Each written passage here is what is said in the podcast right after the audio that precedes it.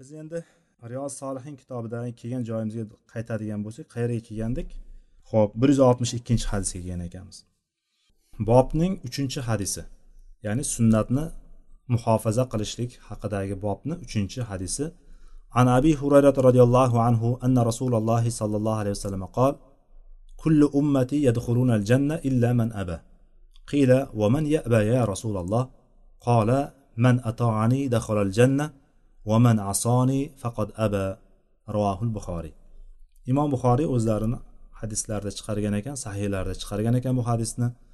Abu hurara roziyallohu anhu rivoyat qilyaptilar. Rasululloh sollallohu alayhi vasallam shunday dedilar. Ummatimdan mening ummatimdan hammasi ummatimning barchasi jannatga kiradi dedilar. Ummatimni barchasi jannatga kiradi. Illa man aba magar yuz o'girgan bosh tortgan kishi jannatga kirmaydi dedilar. Ya'ni jumlani kelishtiradigan bo'lsak jannatga kirishlikdan bosh tortganlardan tashqari jannatga kirishlikdan bosh tortganlardan tashqari ummatimdan hammasi jannatga kiradi dedilar. Sahobalar yo rasululloh kim ham jannatga kirishdan bosh tortadi? deyishdi. Javob ya'ni savol o'rinlimi? Juda o'rinli. Ke jannatga kir deb turadigan bo'lsa yo'q men kirmayman deb tursa bir kishi bosh tortib tursa. Kim ham jannatga kirishlikdan bosh tortadi? Ey allohning rasuli deyishdi. Shunda payg'ambarimiz sollallohu alayhi vasallam kim menga itoat qiladigan bo'lsa jannatga kiradi. Kim menga osiylik qiladigan bo'lsa o'sha kishi jannatga kirishlikdan bosh tortgan bo'ladi dedilar payg'ambarimiz sollallohu alayhi vasallam. Hadisni bobga qanaqa aloqasi bor? Ya'ni payg'ambar sollallohu alayhi vasallamni sunnatlariga rioya qilishlik haqidagi bobda ketyapmiz ya'ni payg'ambarimiz sallallohu alayhi vasallam aytdilarki menga itoat qilgan kishi jannatga kiradi dedilar. Osiylik qilgan kishi bo'lsa ya'ni payg'ambar sallallohu alayhi vasallamga itoatsizlik qilgan sunnat kelgan paytda sunnatga beparvolik qilgan ta'kidli sunnatlarni ko'rib tursa ham o'shanga e'tibor qilmagan. Mana bu kishilarni holati xuddi jannatga kirmayman degan kishini holati bo'ladi. Mana bu joyi ya'ni payg'ambarimizga itoat qilishlik bilan jannatga kiramiz jannatga kiriladi. Payg'ambarimiz sunnatlariga e'tibor bergan sunnatlarni hayotida yashagan sunnatlarini tiriltirgan kishi jannatga kiradi.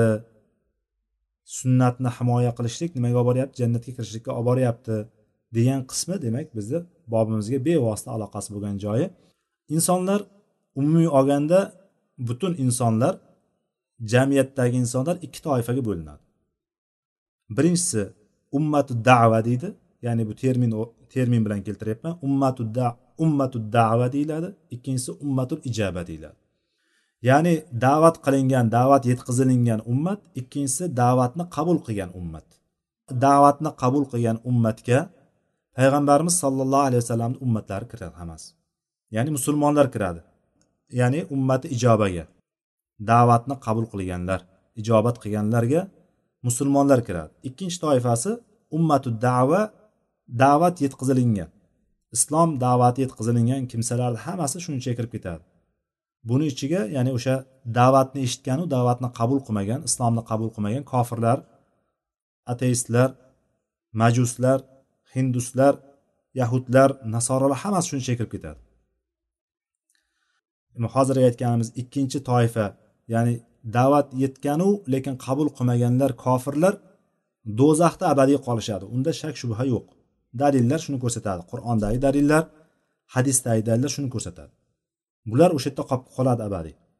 Ya'ni bular payg'ambarimiz sollallohu alayhi vasallamni ummatimdan bosh tortganlarigina jannatga kirmaydi degani ummat degan paytda birinchi o'rinda hamma kirib ketishligi mumkin. Birinchi qoidaga ko'ra hamma kirib ketadi. Ya'ni o'sha ummat degan paytda kofiri ham musulmoni ham hammasi kirib ketadi. Chunki payg'ambar sallallohu alayhi vasallam barcha insonlarga yuborilgan bu qoidaga ko'ra. Demak kim o'shanda payg'ambarimizga itoat qilmagan bo'lsa jannatga kirishlikdan bosh tortgan kishiga bevosita kirib ketaveradi. Kofirlar demak shu toifaga. Endi ikkinchi qoidaga boradigan bo'lsa payg'ambarimiz sollallohu alayhi vasallam o'zlariga nisbatlab aytyapti. Mening ummatim degandan faqat ummat ijobat tushunishligi mumkin. Ya'ni faqatgina musulmonlargina tushunishligi mumkin bu, bu hadisdan. Musulmonlarni ichida ham demak jannatda kirishlikdan bosh tortganlar bo'ladi ekan. Uni qanday izohlaymiz? Payg'ambarimiz sallallohu alayhi vasallam o'zlari aytyaptilarki kim menga itoat qiladigan bo'lsa jannatga kiradi. Kim menga osiylik qiladigan bo'lsa itoatsizlik qiladigan bo'lsa bo'yin tovlaydigan bo'lsa itoat qilishlikdan bu jannatga kirishlikdan bosh tortgan bo'ladi dedilar. Demak mana shu bilan bu qanday bu masalan sunnatga sunnatni ham tark qilgan kishi jahannamga kiradimi deydigan bo'lsa chunki payg'ambarimiz sallallohu alayhi vasallam aytyapti kim menga itoatsizlik qilgan bo'lsa o'sha kishi jannatga kirishlikdan bosh tortgan bo'ladi deyapti. Demak osiylik payg'ambar sallallohu alayhi vasallam olib kelgan dinga olib kelgan shariatlariga qarshi chiqishlik o'shanga teskari ish qilishlik o'shanga itoat qilmaslik demak bu narsa nimaga olib kelar ekan? Gunohkor bo'lishlikka olib keladi ekan. Gunohkor bo'lishlikka olib kelgan gunoh bo'ladigan bo'lsa albatta jazosi jahannamda bo'ladi do'zaxda bo'ladi. O'talmasdan turib gunohiga yarasha jahannamda jazosini olmasdan turib jannatga kira olmaydi. Ha endi gunoh qiladigan bo'lsak qilaveramizda mayli shunga itoat qilmasak ham baribir bir kun jannatga kiramiz ekanku. Deydiganlar nauzubillah abadiy do'zaxda qolib ketishligi mumkin. Ya'ni gunoh hech narsa qilmaydi. Gunoh qilaversang ham alloh taolo g'ofur bo'lgan rahim bo'lgan zotdir. Alloh taolo kechiraveradi rahmli zotdir. E, shu ollohni bir bir deb turibmizku ollohni bitta deb turibmizku deydiganlar do'zaxda abadiy qolib ketishligi mumkin. Chunki alloh taolo bani isroilni bani isroil haqida aytgan paytda ular har narsani aytishaverardi. Bani isroil o'zlari juda katta ketishib o'zlariga bino qo'yishardi va aytishardiki buni sababini lan tamassana naru illa ayyaman ma'dudat deyishardi.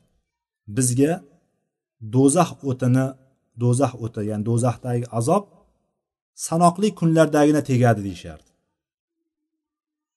Ya'ni biz do'zaxga kirsak ham o'sha kunlar uchun do'zaxda azobimizni olamiz. Ya'ni allohga osiylik qilib qo'ygan o'sha shanba kunida baliq ovlamanglar degan kunda ovlab qo'yganligimiz uchun yoki o'sha qilgan gunohlarimizni kunlarida do'zaxga tushirilamizda shu bilan chiqamiz derdi. Lekin bular o'zlari uydirib olgan o'zlari to'qib olgan mana shu dinlarda to'qib olgan narsalari bilan ular adashib ketib qolishdi. O'zlarini to'qigan narsa u to'qib olgandi bu narsani. Alloh taolo sizlarni faqatgina shu kunlardagina azoblayman demagandi. Qolgan kunlar sizlarga rohat bo'ladi jannatga kiraverasizlar demagandi. Ya'ni mo'minlar ham shu holatga tushib qolishligi mumkin.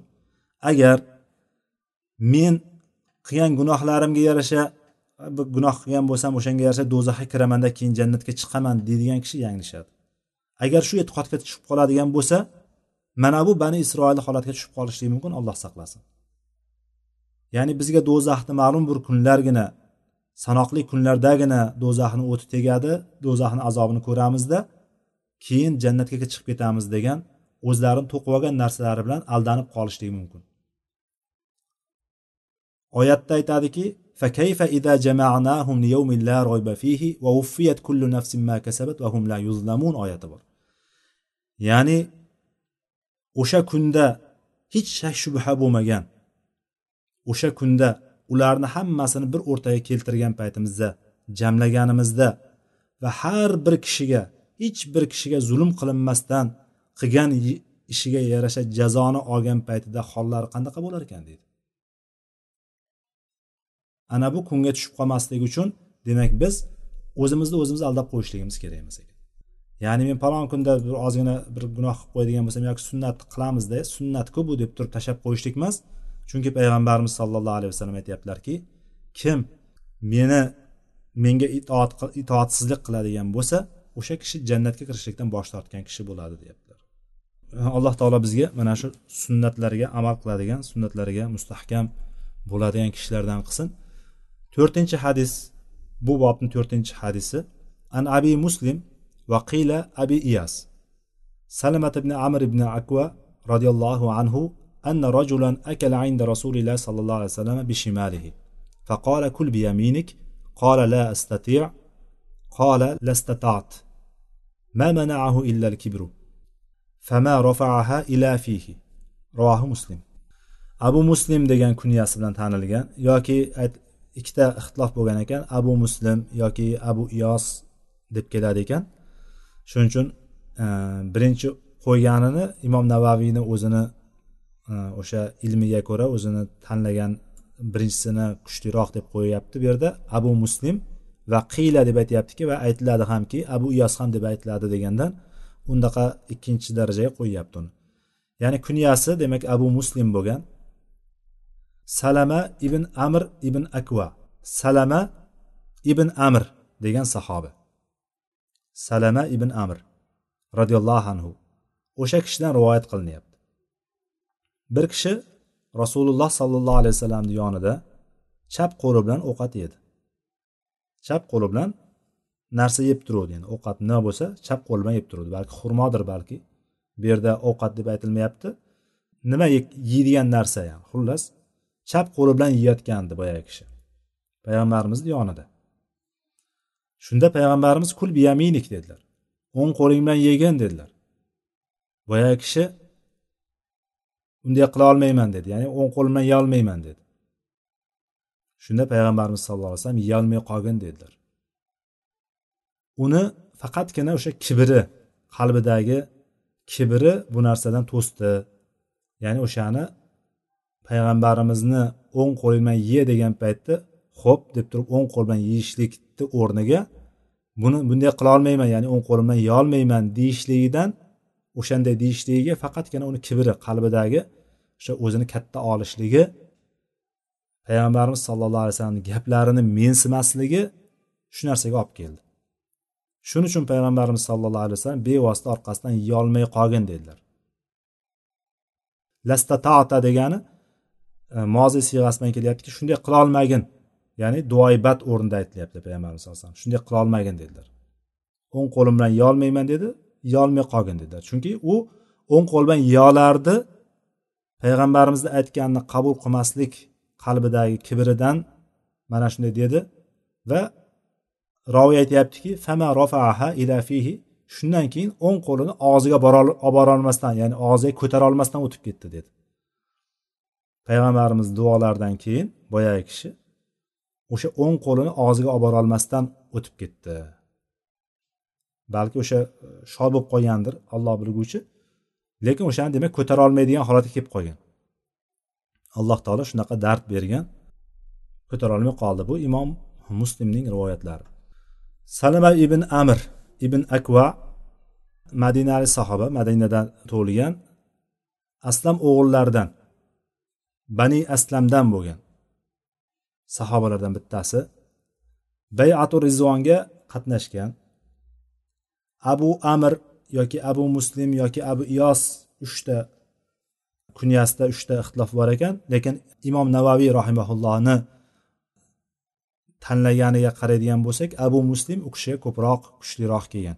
Nasabshunoslarni fikriga qaraganda demak bu kishi abu muslim bo'lgan. Payg'ambarimiz sollallohu alayhi vasallamni yonida ko'p vaqtlar birga bo'lgan va payg'ambarimizdan birga yettita g'azotga qatnashgan o'zi juda kuchli pahlavon qahramon hech o'limdan qo'rqmaydigan sahobalardan biri bo'lgan mergan bo'lgan ekan. Shu bilan birga juda go'zal axloq sohibi fazilatli bir kishi bo'lgan. Payg'ambarimiz sollallohu alayhi vasallamdan yetmishga yaqin yetmishdan biroz yuqoriroq ya'ni yetmish bilan sakson o'rtasidagi hadislar rivoyat etgan ekan. Ba'zan u kishi mana shunday deb turib payg'ambarimiz sallallohu alayhi vasallam meni haqimda shunday degan deb turib maqtanar ekan biroz boshqalarga nisbatan biroz xursand bo'lganidan ba'zan ba'zan aytib qo'yar ekan payg'ambarimiz sallallohu alayhi vasallam meni ko'p bir necha bor payg'ambarimiz bilan ulovda mingashganman ya'ni orqada payg'ambarimizni orqalarida ulovda minib yurganman. Payg'ambarimiz sallallohu alayhi vasallam meni bir qancha marta boshimni silaganlar va mengayu meni avlodimga ya'ni meni naslimga bir necha marta alloh taolodan mag'firat so'rab duo qilgan deb turib maqtanib qo'yar ekan ora orada. Payg'ambarimiz sollallohu alayhi vasallam u kishini haqida shunday degan ekanlar. Bizni ichimizdagi eng yaxshi eng zo'r suvoriyimiz abu qatoda bo'lsa eng yaxshi piyodamiz salama ibn akva degan ekanlar. Salama ibn akva deb turib aytgan ekanlar. Ya'ni bu kishi demak e, u kishini qahramonligi jang maydonida o'zini zabardast tutishligidan payg'ambarimiz sallallohu alayhi vasallam mana shuni alohida maqtagan ekanlar. Abu qatodani eng yaxshi suvoriymiz degan bo'lsa buni eng yaxshi piyoda askarimiz deb turib maqtagan ekanlar. Bu kishi madinada yashab usmon roziyallohu anhuni voqeasidan keyin ko'chib ketadi u yerdan. Biroz vaqt o'tgandan keyin yana madinaga qaytib kelib turib sakson yoshida hijriy yetmish to'rtinchi yilda vafot etadi ekan. Alloh taolo u kishini o'z rahmatiga olsin. Mana shu kishi yuqoridagi hadisda rivoyat qildi. Hadisdagi kishi kim bo'lganligi haqida roviylar aytishadiki busr ibn roi degan sahoba bo'lgan deb aytishadi. O'sha payg'ambarimiz o'ng qo'ling ye degan paytda yemagan sahobani busr ibn roi ekanligi haqida rivoyatlar keladi.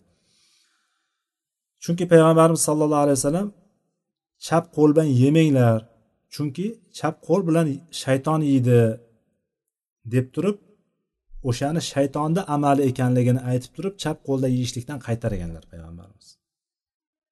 Chap qo'lda yeyishlikdan qaytarganlar chap qo'lda ovqat yeyotgan paytda chap qo'lni ishlatish mumkinmi? Masalan non sindirishlik bor boshqa qilishlik bor. Chap qo'lni ishlatishlik mumkin. Ya'ni chap qo'l bunday oyog'ini tagiga bosib olib turib faqat o'ng qo'lni ishlatishlik degani emas lekin chap qo'l bilan o'ng qo'lda imkoniyati bo'lib turgan holatda chap qo'l bilan yeyilmaydi. O'ng qo'l bilan yeyiladi o'ng qo'l bilan ichilinadi. Bu sunnat. Endi sunnatni o'ziga mana shu bitta sunnatni tark qilganligi hisobiga payg'ambarimiz shunday duoibat qildi. Shu duoibat bilan bu butun umr og'ziga olib borolmay o'tib ketdimi? Payg'ambar bunchalik qattiq qahri qattiq bo'lmasa deydiganlar chiqib qolishligi mumkin. Yoki qalbimizdan shunday kelib bir oralab o'tib ketib qolishligi mumkin.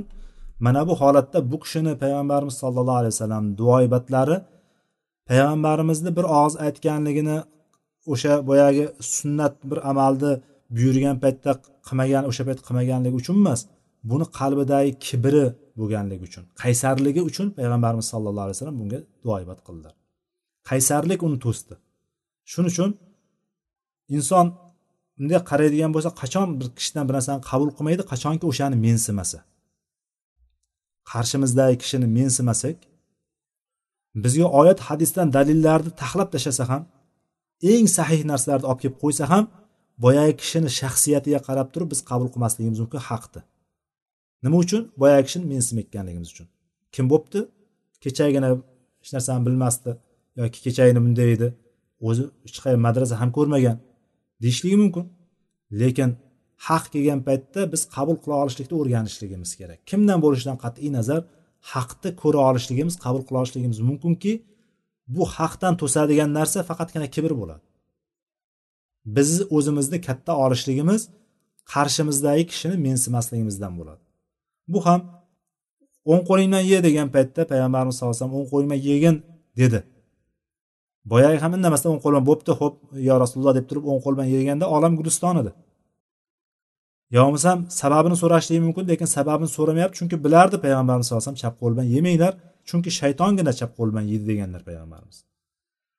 Demak buni chap qo'l bilan yeyishlikni o'ng qo'lda imkoniyat bo'lib turganda chap qo'l bilan yeyishlik demak makruh hisoblanadi.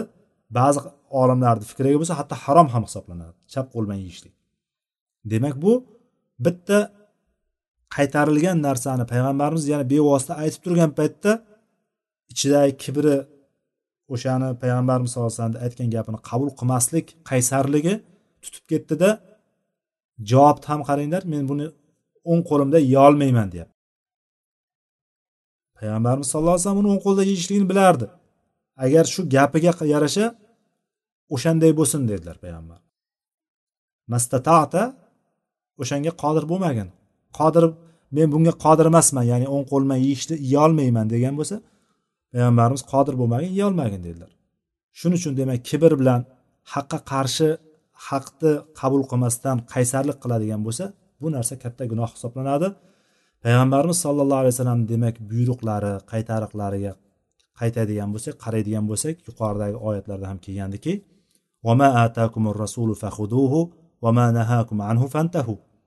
allohni rasuli sizlarga nimani bergan bo'lsa olinglar nimadan qaytargan bo'lsa qaytinglar.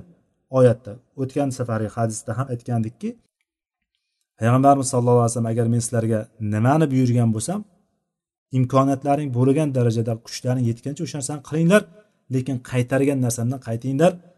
Keskin edi bu qaytargan narsamdan qaytinglar qat'iy edi bu.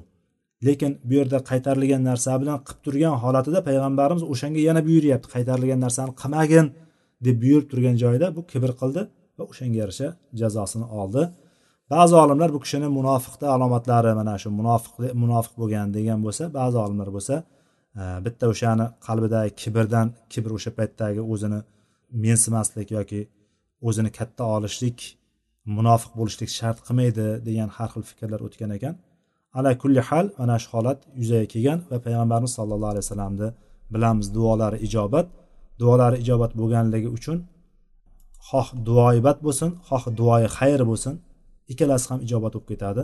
Mana bu sahobaga demak o'ng qo'lingman yeyolmay qolgin degan duoibatlari bilan duoibatni o'ziga haq qilib oldi.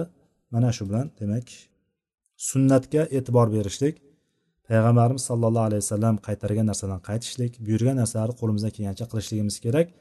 Kim bunga muxolif ish qiladigan bo'lsa yuqoridagi oyatda aytgandikki oyatda alloh taolo aytadiki